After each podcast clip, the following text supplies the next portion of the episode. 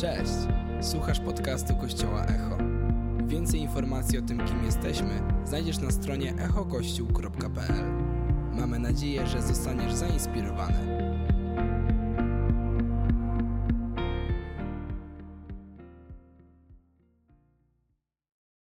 Wow.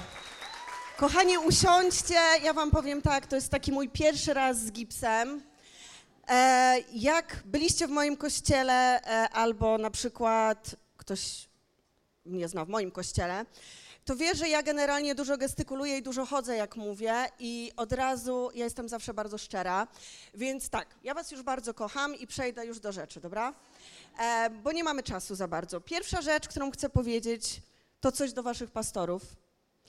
Wiecie, w chrześcijaństwie, w budowaniu kościoła, w byciu osobą wierzącą, bardzo ważna jest jedna rzecz. I myślę, że wczorajsza konferencja, mimo tego, że to nie było głośno powiedziane, też była o tym, chodzi o znalezienie swojego głosu. I ja wierzę, że wasi pastorzy znają swój głos. Głos, który jest dawany im przez Boga, po to, żebyście wy mogli słyszeć, po to, żebyście wy mogli się rozwijać, iść dalej, iść głębiej. I wiecie, tylko w momencie, kiedy ty znasz swój głos, jesteś w stanie tworzyć echo. Tylko wtedy. I wiecie, w całym chrześcijaństwie takich miejsc jak wasze w naszym kraju naprawdę nie ma dużo. Dlatego, że czasami kopiujemy, czasami chcemy być jacyś, ale dopiero miejsce znalezienie swojego głosu, znalezienie swojego powołania rodzi echo.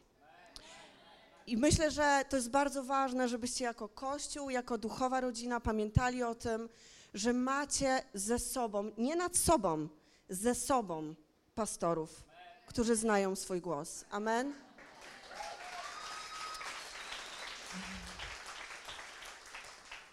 Ja bym dzisiaj chciała, żeby niektórzy z Was znaleźli swój głos. I wiecie, podczas konferencji ja wierzę, że Ewangelia nie ma płci.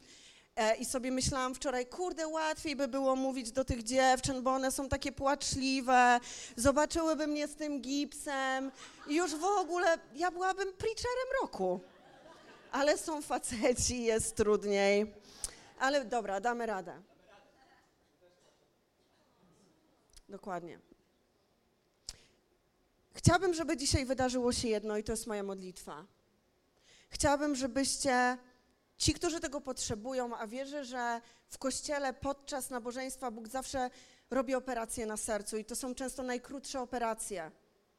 Kiedy wychodzisz jakiś, a przyszedłeś inny. Kiedy przychodzisz jakaś, a wychodzisz już przemieniona. I wiecie, podczas konferencji mówiliśmy o tym, że mamy walczyć, że mamy się modlić, że mamy czekać. I to jest wszystko ważne. To są ważne postawy, bo to są historie z Biblii. Ale spójrzmy, słuchajcie na to z boku. Gdybyśmy byli osobami wierzącymi albo osobami szukającymi, bo wierzę, że na tym miejscu dzisiaj są też osoby, które poszukują, które wierzę, że dzisiaj znajdą to, czego szukają. Ale chrześcijaństwo, wiara w Boga, chodzenie z Nim, znalezienie tego głosu nie polega tylko na walce, bo się zmęczysz. Nie polega tylko na czekaniu, bo będziesz wykończony. Polega jeszcze na czymś innym i o innej postawie chcę dzisiaj powiedzieć. Pastor Mirella powiedziała, że mam dziecko, no mam dziecko, mój mąż uważa, że mam dwoje dzieci, bo też zawsze liczy psa. Ja się z tym nie zgadzam. Jestem pastorem, różne rzeczy robię, ale zawodowo jestem coachem. I słuchajcie, zawsze się z tego śmieję, bo o coachingu tak dużo niedobrych rzeczy już zostało powiedziane, że czasami jest tak, że jak słyszymy słowo coaching, to w ogóle wiecie, o Boże, znowu coach. Ale jestem dobrym coachem. I czemu o tym mówię? Czemu o tym mówię? Dlatego, że jest takie jedno zagadnienie i o nim dzisiaj będę mówiła, które jest nadużyte w różnych dziedzinach naszego życia, również w coachingu, również w psychologii, w podręcznikach. I niby wszyscy o tym wiemy, ale tak naprawdę nic o tym nie wiemy, bo najwięcej o tym mówi Biblia i zaraz Wam to pokażę, ale chodzi mi o wdzięczność. I wiecie, możesz być w postawie walczenia, tak jak powiedziałam, i się zmęczysz. Możesz być w postawie czekania i też będziesz zmęczony, zmęczona.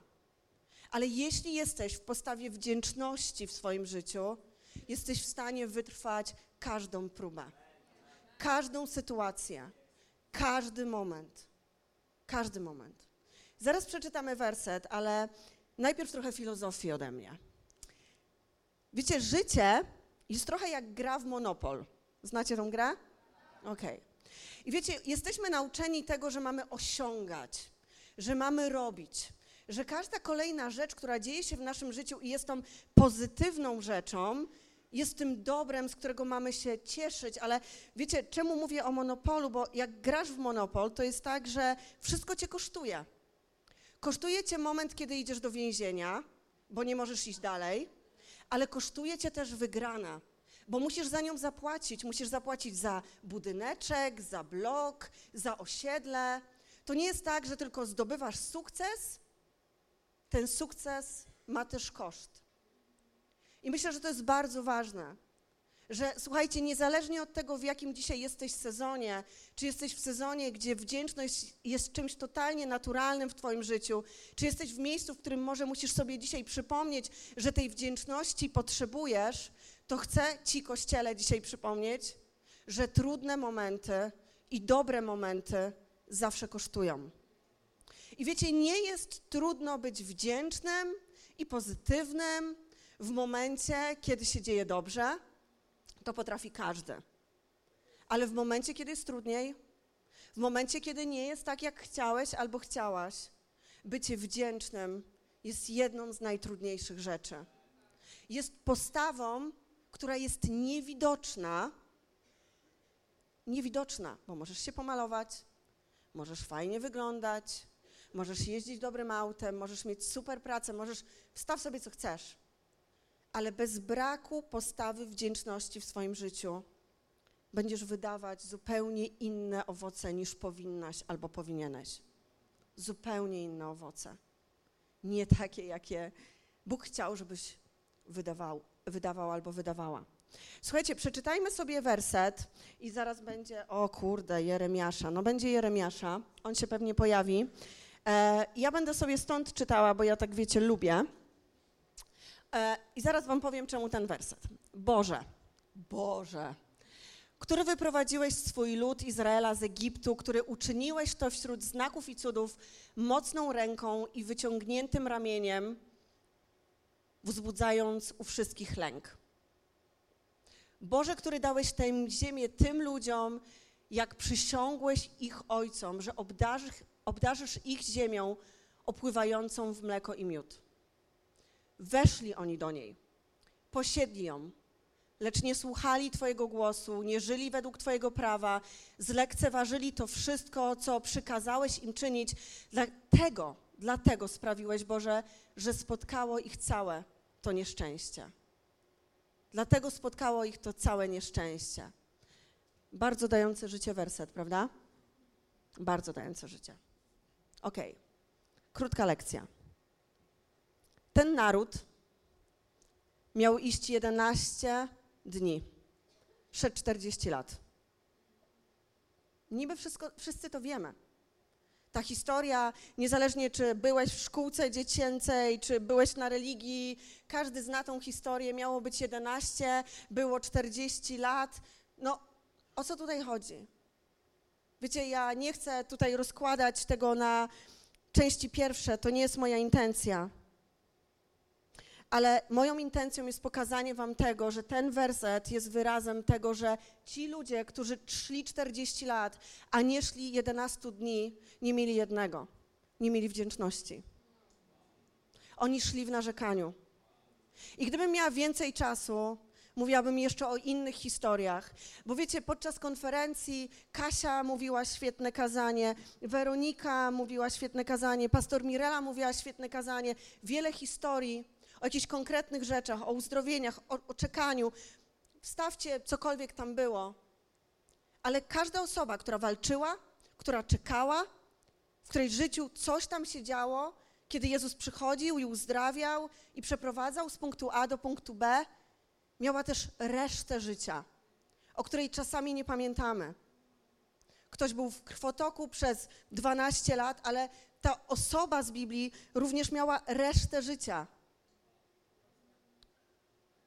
To nie jest tak, że jak czytamy jakąś sytuację z Biblii, oczywiście utożsamiajmy się z tym, ale pamiętajmy o tym, że historie, które czytają, e, czytamy, to jest, to jest część całości.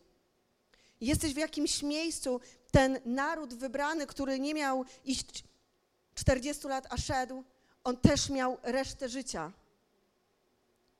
I ta reszta życia w ich przypadku polegała na braku wdzięczności. Bo to jest postawa, tak jak wspomniałam, drogi Kościele, która nie do końca jest widoczna, a jest bardzo potrzebna. Żeby przejść z Bogiem, żeby przejść z Jezusem z punktu A do punktu B, potrzebujesz tej postawy. I wiecie, nie znamy się za dobrze i też nie chodzi o to, żebym ja wam teraz, nie wiem, żeby ta reszta czasu polegała na tym, żebym wam opowiadała o moim życiu, ale powiem tylko jedno. Ja się nie wychowałam w środowisku, gdzie wdzięczność jest celem oddychania. oddychania. Ja się wychowałam w środowisku, gdzie szklanka jest na wpół pusta, a nie pełna. I wierzę, że to nie jestem tylko ja, bo Pamiętam, słuchajcie, przez 10 lat mieszkałam za granicą i za każdym razem, kiedy przez te 10 lat przyjeżdżałam do Polski, to za przeproszeniem powiem, sobie, powiem wam szczerze, że myślałam, że sobie w łeb strzelę. Bo za każdym razem, jak kogoś pytałam, jak się masz, jak się czujesz, również w kościele, o Boże, nie zaczynaj. Ja ci powiem, mam problem z tym i z tamtym. Dzieci to, pies to, a o starym to ci nawet nie opowiem. Wiecie, to jest nasze DNA. To jest DNA naszego kraju, to jest DNA naszej historii. I ja wiem, że my to w kościele zmieniamy. Ja wiem, że my się uśmiechamy. Ja wiem, że my sobie przybijamy piątki. Ale nie bądźmy miejscami, nie bądźmy kościołem, który tylko polega na kosmetyce. Bądźmy miejscem, bądźmy kościołem, który zmienia postawę od środka. Amen.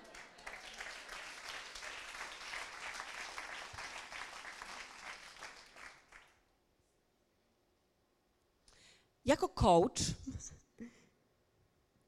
mam pewien tak zwany dysonans poznawczy, bo jednej rzeczy ze swoimi klientami w przyszłości nigdy nie robiłam. Ja nie wierzę w afirmację. Ok? Nie wierzę w to, że jak sobie napiszesz na lusterku jestem piękna czerwoną szminką, to będziesz piękna. Nie wierzę w to, że jak sobie wydrukujesz zdjęcie super auta, to za chwilę będziesz tym autem jeździł. Ja nie wierzę w coś takiego. I wiecie, jak jesteś pastorem albo jesteś liderem w kościele, to nabierasz pewnej umiejętności, która polega na tym, że bardzo często, kiedy ktoś się modli na głos, kiedy ktoś prowadzi w modlitwie i idzie w jakimś procesie ze swoim zgromadzeniem, tak to nazwijmy, to bardzo często jest tak, że ta modlitwa jest trochę wynikiem miejsca i procesu, w którym ta osoba sama jest. Rozumiecie? Łatwiej jest mi mówić na przykład w tym momencie o wdzięczności, dlatego że to jest przepracowany temat w moim życiu. To jest przepracowany, wierzę, że temat w moim kościele, bo biedni musieli o tym długo słuchać. Nasłuchali się. Ale nie wierzę w afirmację. Ale wiecie w co wierzę? Wierzę w Boże obietnice. A tych obietnic jest około 5 tysięcy w Biblii. Niektóre się powtarzają. Ja lubię liczby, wiecie, bo to coś pokazuje. To coś pokazuje. Ten proces wybierania postawy wdzięczności w momencie, na, w momencie, kiedy czekasz na Bożą obietnicę, jest często tym, co cię przez ten proces po prostu przeprowadzi. Nie wiem, na co czekasz. Może dzisiaj na coś czekasz? Może, tak jak wspomniałam wcześniej, jesteś w miejscu totalnej wdzięczności, ale ta postawa, o której mówię, jest idealnym przykładem tego, że również w Twoim życiu Ty nie musisz na coś czekać, Ty nie musisz o coś walczyć 40 lat. To się może zdarzyć w dzień, w 11 dni, w tydzień, minutę, jakkolwiek, ale wszystko zależy od naszej postawy. Wyobraźcie sobie ten naród, który szedł. To był naród, który idąc krok po kroku coraz bardziej narzekał. Wyobrażam sobie, że ekscytacja może była pierwszego dnia, ale też w to wątpię, bo mieli bagaże i było im ciężko. Zawsze jest coś, na co jesteś w stanie narzekać, i ja zaraz o tym narzekaniu trochę więcej opowiem, ale zamiast narzekać, wybieraj wdzięczność. Wiecie, Biblia mówi, to jest jeden z moich ulubionych wersetów, interpretowany na różne sposoby, ale Bóg we wszystkim działa ku dobremu. I wiecie o co chodzi? Czasami chodzi o to, żeby się uchwycić jednej najmniejszej, tajni, mini rzeczy w Twoim życiu, za którą możesz być wdzięczna, wdzięczny, tylko jednej. A Bóg wszystko przemieni ku dobremu. Bóg wszystko przemieni ku dobremu. Ale znajdź jedną rzecz, jedną najmniejszą rzecz i spraw, żeby w Twoim życiu, dzięki temu fizycznym i duchowym, żebyś nie wydawał przez 40 lat owoców, jakie były tutaj wydawane. Wydawaj dobre owoce w krótszym czasie, wydawaj ich, ich więcej. Znajdź swój głos, znajdź swoją postawę. Jedna mała rzecz jedna mała rzecz. Wiecie, ja wiem, że tutaj w kościele ważne jest to, żebyśmy przynosili życie i ja jestem totalnie za tym, ale ja też jestem osobą, która jest, myśli bardzo, jest, jest osobą, która trochę, powiedzmy to tak, ja często to mówię w kościele u nas, mówi jak jest. I wiecie, życie nie jest tylko kolorowe, życie nie jest tylko białe, nie jest tylko czarne. I wiecie, czasami również rozmawiając z ludźmi spotykam się z taką tendencją, gdzie mówimy, no ale w moim życiu to tyle procent było pozytywnie, a tyle było negatywnie, no i znowu jest gorzej, zaraz będzie lepiej. Nie, nie, nie, to jest życie. Nie bądź w swojej szarości dzisiaj i nie trać swojego życia na to, jak będzie dobrze, w czekaniu, w takiej załamce, tylko znajdź chociaż jedną malutką rzecz, za którą możesz być dzisiaj wdzięczny i produkuj owoce w swoim życiu, które dzisiaj są dobre, a nie czekaj, jak coś się zmieni, żebyś w końcu był albo była w jakimś miejscu. Życie ci przeminie. Im przeminęło. 40 lat, wy to kumacie? Wy to naprawdę dzisiaj zakumajcie, ludzie.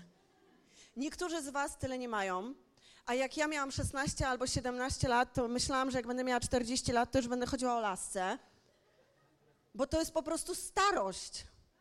No nie jest, teraz już wiem. Ja nie wyglądam, wiem, ale mam tyle. W każdym bądź razie to jest naprawdę dużo. I jak ja dzisiaj stoję i sobie myślę, że ten naród szedł tyle lat, ile ja mam, to ja im naprawdę współczuję. Naprawdę im współczuję. Bo mieliście 11 dni, to nawet nie są dwa tygodnie. I idąc, słuchajcie, chwila. No inaczej nie mogę. Idąc za Bożymi obietnicami, chcę Wam powiedzieć tak. Nie afirmuj w swoim życiu. Nie buduj w swoim życiu na fejku. Nie próbuj wyglądać lepiej. Nie próbuj prezentować się lepiej. Ale w Bożej obietnicy znajdź swój głos. Uchwyć się tej obietnicy.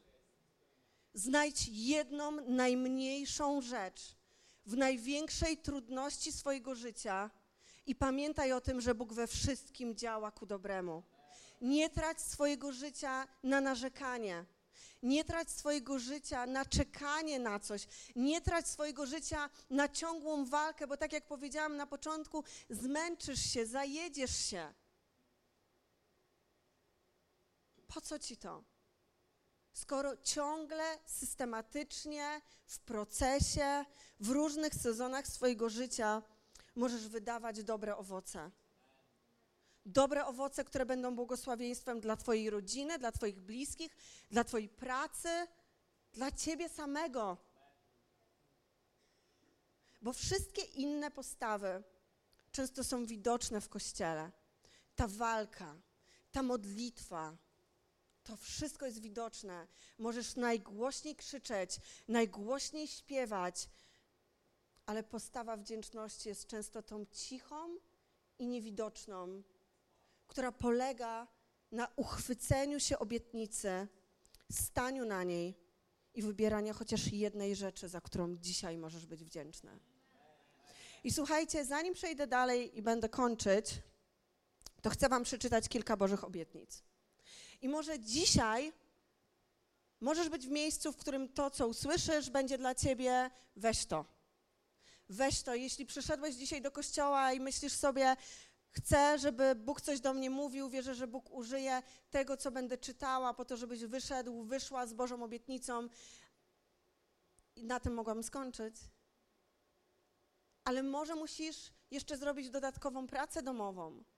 Może musisz zacząć zagłębiać się w te Boże obietnice i szukać i wertować, bo wiecie, na tym polega życie, że Bóg wypełnia jedną obietnicę i wchodzimy w kolejną obietnicę. Bóg daje ci kolejną obietnicę i wypełnia kolejną obietnicę. Pięć tysięcy obietnic.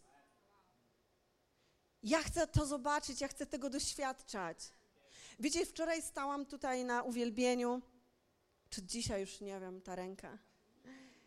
I podeszła do mnie Sabrina, która kiedyś, kilka lat temu, była częścią mojego kościoła w Warszawie i powiedziała do mnie: Inia, ja tak patrzę na Twoje życie z boku i obietnice i rzeczy, o których mówiłaś wcześniej, Bóg już wypełnił. Ja to wiem, jestem Bogu wdzięczna, ale cieszę się, że inni to widzą. Czy było łatwo w międzyczasie? Nie. Wiecie, kiedy pastor Mirela zadzwoniła i zaprosiła mnie do Was, myślę, panie, super. W końcu. Ile miałam czekać? No ale dobra, w końcu się nawróciła i mnie zaprosiła. To siedziałam w jednym w najgorszych momentów swojego życia. Kilka dni wcześniej zmarła moja mama. I wiecie, trudna relacja jest trudną żałobą. I kiedy skończyłam z nią rozmawiać i dostałam to zaproszenie, to byłam w szoku, ale nie dlatego, że w końcu zostałam zaproszona, ale bo byłam w takim sezonie. Ja później sobie myślę, Boże, ale co ona do mnie mówiła? Gdzie ona mnie zaprosiła? O co chodzi? Byłam naprawdę w bardzo trudnym sezonie. A kiedy skończył się ten sezon, dostałam diagnozę raka. I byłam w miejscu, w którym chodziłam z obietnicą, z przyjaciółmi, z liderami w moim kościele, gdzie modliłam się o to, żeby to nie była prawda, żeby i nie była. Ale chodzi mi o to, że kończyło się jedno, zaczynało się drugie. Kończyło się jedno, zaczynało się drugie. Nie trać życia na czekanie na idealne sezony w swoim życiu. Żyj i bądź w procesie z Bogiem. Znajduj swój głos. Chwyć się obietnicy. Znajduj chociaż jedną rzecz, za którą możesz być wdzięczny i idź dalej. Każdego dnia. Jeden mały krok.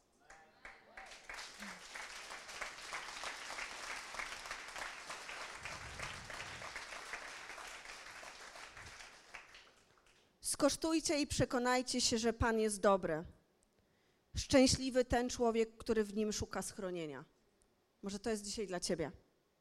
Powiesz Panu swój los, On Ciebie podtrzyma, nie dopuści, by sprawiedliwy upadł i nigdy nie powstał. Jakbym mogła, to bym tak Wam rzucała te wersety. Jak ktoś musi, to złap to dzisiaj. Pamiętajcie, że to Pan jest Bogiem, On nas stworzył i do Niego należymy. Jesteśmy Jego ludem i owcami Jego łąk. I kolejne, a Pan, On będzie tym, który pójdzie przed Tobą, On, Pan, będzie z Tobą, nie porzuci Cię, ani Cię nie opuści, nie bój się i nie lękaj się. Dla tych, którzy dzisiaj się boją. A wiemy, że kochającym Boga to jest tym, którzy są powołani zgodnie z Jego planem. Wszystko służy ku dobremu. Bóg ma dla nas piękne obietnice. Ale muszę Wam powiedzieć jeszcze jedną rzecz. Odwrotnością wdzięczności jest narzekanie. I kiedy zaczniesz studiować to słowo w oryginalnym języku, Wiecie, co oznacza narzekanie? Zostawanie na noc. Kiedy narzekasz, zostajesz na noc w swoim problemie. Zostajesz na noc w swojej sytuacji. I teraz podsumujmy to, co kilkakrotnie specjalnie Wam powtórzyłam. Kiedy walczysz, kiedy się modlisz, kiedy przyjmujesz te widoczne postawy, widoczne dla innych, fajnie, że to robisz. Ale kiedy ciągle narzekasz na sytuację, o którą walczysz, kiedy ciągle czekasz w zniecierpliwieniu na sytuację, która się jeszcze nie zdarzyła i jednocześnie narzekasz, to modląc się, walcząc, klaszcząc, śpiewając, ciągle zostajesz na noc w tej sytuacji. Bóg tego od ciebie nie chce. Bóg cię nie powołuje do tego, żebyś zostawała na noc, żebyś zostawał na noc w swoim życiu. Oni zostali na noc na 40 lat. Mieli zostać na 11 dni. Wiecie, ile to jest dni? 16 400 dni. Tyle zostali na noc.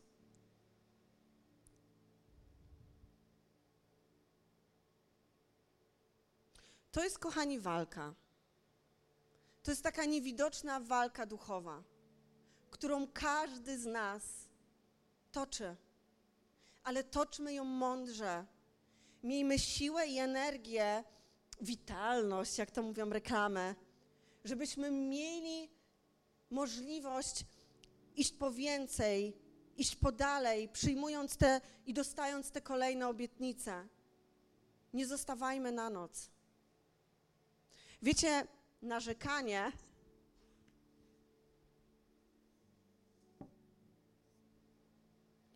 to są trzy postawy. Możesz narzekać i zostajesz na noc. Możesz gdybać albo możesz usprawiedliwiać. I każda z tych postaw jest narzekaniem.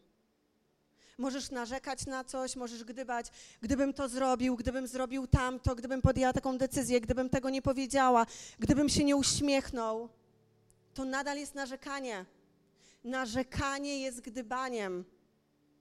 Więc może dzisiaj siedzisz i myślisz sobie, ale ja przecież nie narzekam, o czym ona mówi. Może nie narzekasz, ale może jesteś osobą, która lubi gdybać.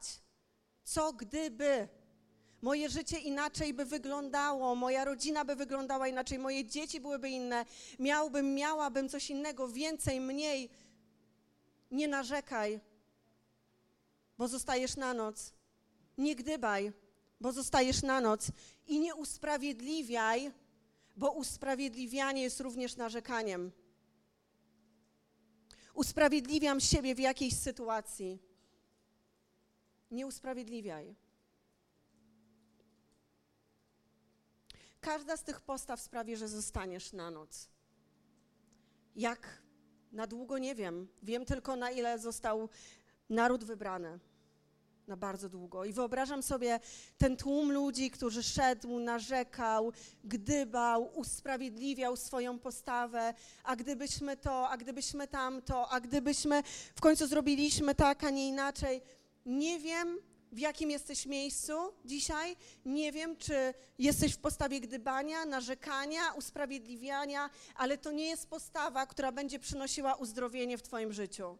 To nie jest postawa, która będzie przynosiła obfitość finansową w Twoim życiu. To nie jest postawa, która będzie przynosiła nowe i dobre, i zmianę, i przełomy, i uzdrowienie. To nie jest postawa, która zaprowadzi Cię do dobrego. Wiecie, jest coś jeszcze. Wiem, że zaraz muszę kończyć, ale dwie, dwa słowa jeszcze. Istnieje coś takiego jak monolog wewnętrzny. I tego też nie widać. I nie bądź osobą wierzącą, nie bądź osobą poszukującą, która na zewnątrz jest idealną córką Boga, idealnym synem Boga. A w środku po prostu się zgniatasz w środku to, co mówisz do siebie, po prostu zabija. To, co mówisz do siebie, zabija i jesteś w tym miejscu, w którym jednocześnie siebie zgniatasz, jednocześnie zostajesz na noc, jednocześnie próbujesz wyglądać dobrze przed innymi. To jest strasznie trudne, to jest strasznie męczące Kościele. To nie jest miłość Boga, którą Bóg ma dla nas. Wiecie, ja lubię naukę. Lubię fakty i lubię takie miejsce, w którym jestem w stanie połączyć wiedzę z Biblią, bo wierzę, że są też ludzie, którzy tego potrzebują. Którzy potrzebują wiary, ale potrzebują też pewnego rodzaju sprostowania i mała dygresja, będę kończyć, ale słuchajcie. Zacznę na, na początku od tego, kiedy ktoś cię skrytykuje.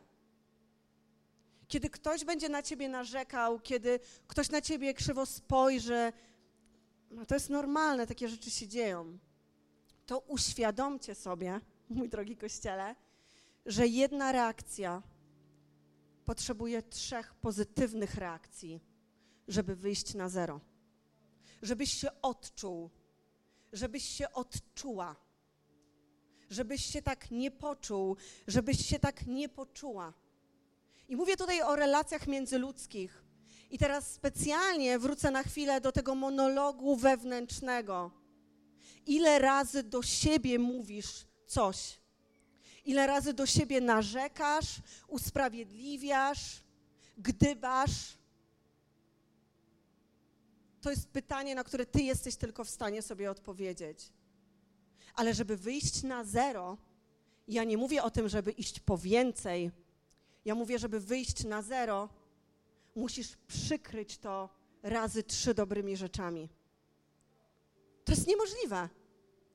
To jest ciągła walka. Dlatego tak wielu z nas często po prostu zmaga się z różnymi rzeczami, dlatego tak w tych dzisiejszych czasach walczymy o to, żeby Kościół był zdrowy emocjonalnie. Ale wiecie, nie afirmacje, nie trzy razy mówienie jakichś rzeczy, ale Boża obietnica i uchwycenie się tej Bożej obietnicy jest w stanie przykryć to, co przechodzisz, to, co powiedziałeś do siebie, albo to, co inni powiedzieli do ciebie. Boża obietnica jest w stanie przykryć wszystko.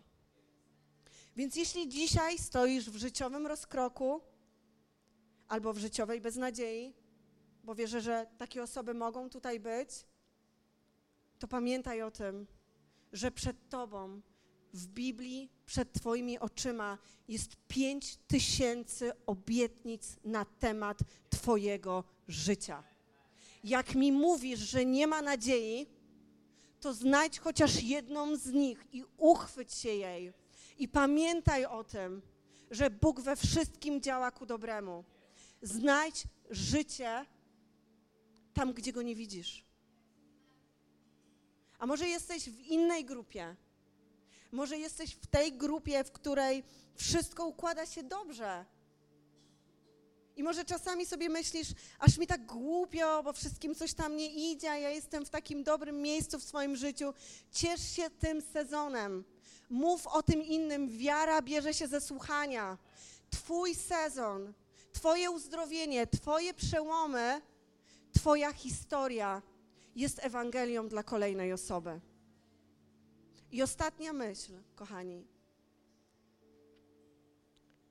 Nawet w kościele możemy debatować na temat Ewangelii. Nieraz to słyszałam. To można, tego nie można, kobieta może, kobieta nie może.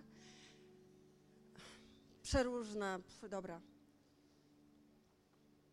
Ale wiecie, z czym nie da się debatować? Wiecie, czego nie da się złamać? Twojej osobistej historii z Jezusem. I ten kościół będzie się rozwijał, i to echo będzie szło dalej. Nie wtedy, kiedy będziesz bił siebie albo innych Biblią po głowie, tylko wtedy, kiedy do kolejnej osoby, ale zaczynając od siebie, bez narzekania, bez gdybania, bez usprawiedliwiania się, złapiesz się obietnicę a kiedy przyjdzie przełom, z tym przełomem pójdziesz do następnej osoby i powiesz: Jezus zrobił to i tamto w moim życiu. Dziękujemy, że byłeś z nami. Mamy nadzieję, że zostałeś zainspirowany. Więcej podcastów możesz posłuchać na naszej stronie echokościół.pl.